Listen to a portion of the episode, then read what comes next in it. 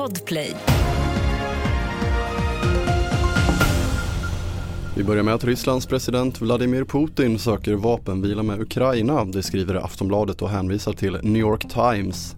Enligt tidningen så har Putin framfört sitt budskap via mellanhänder sedan i september.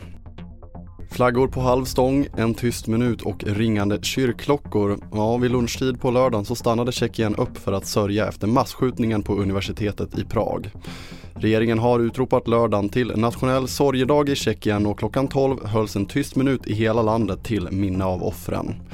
14 personer sköts ihjäl och 25 skadades när den 24-årige gärningsmannen attackerade personer inne på Karlsuniversitetet innan han tog sitt eget liv.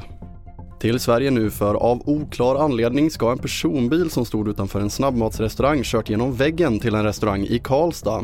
Bilen ska inte haft någon förare och stod innan händelsen parkerad utanför. Bilen har orsakat ett stort hål i fasaden men ingen person ska ha kommit till skada. Så kan vi avsluta med att konstatera att Whams julhit Last Christmas den ligger i toppen på Englandslistan 39 år efter att låten släpptes. När det begav sig 84 så tog Band Aid den åtråvärda förstaplatsen före George Michaels grupp men nu var det alltså Whams tur. Vilket betyder att Last Christmas slagit rekord som den låt som tog längst tid på sig att nå den absoluta toppen på den brittiska topplistan. Fler nyheter på tv4.se. Jag heter André Metenen Persson.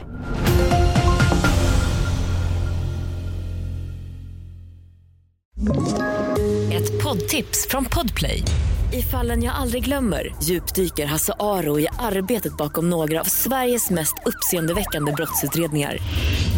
Går vi in med hemlig telefonavlyssning och, och då upplever vi att vi får en total förändring av hans beteende. Vad är det som händer nu? Vem är det som läcker? Och så säger han att jag är kriminell, jag har varit kriminell i hela mitt liv men att mörda ett barn, där går min gräns. Nya säsongen av Fallen jag aldrig glömmer på Podplay.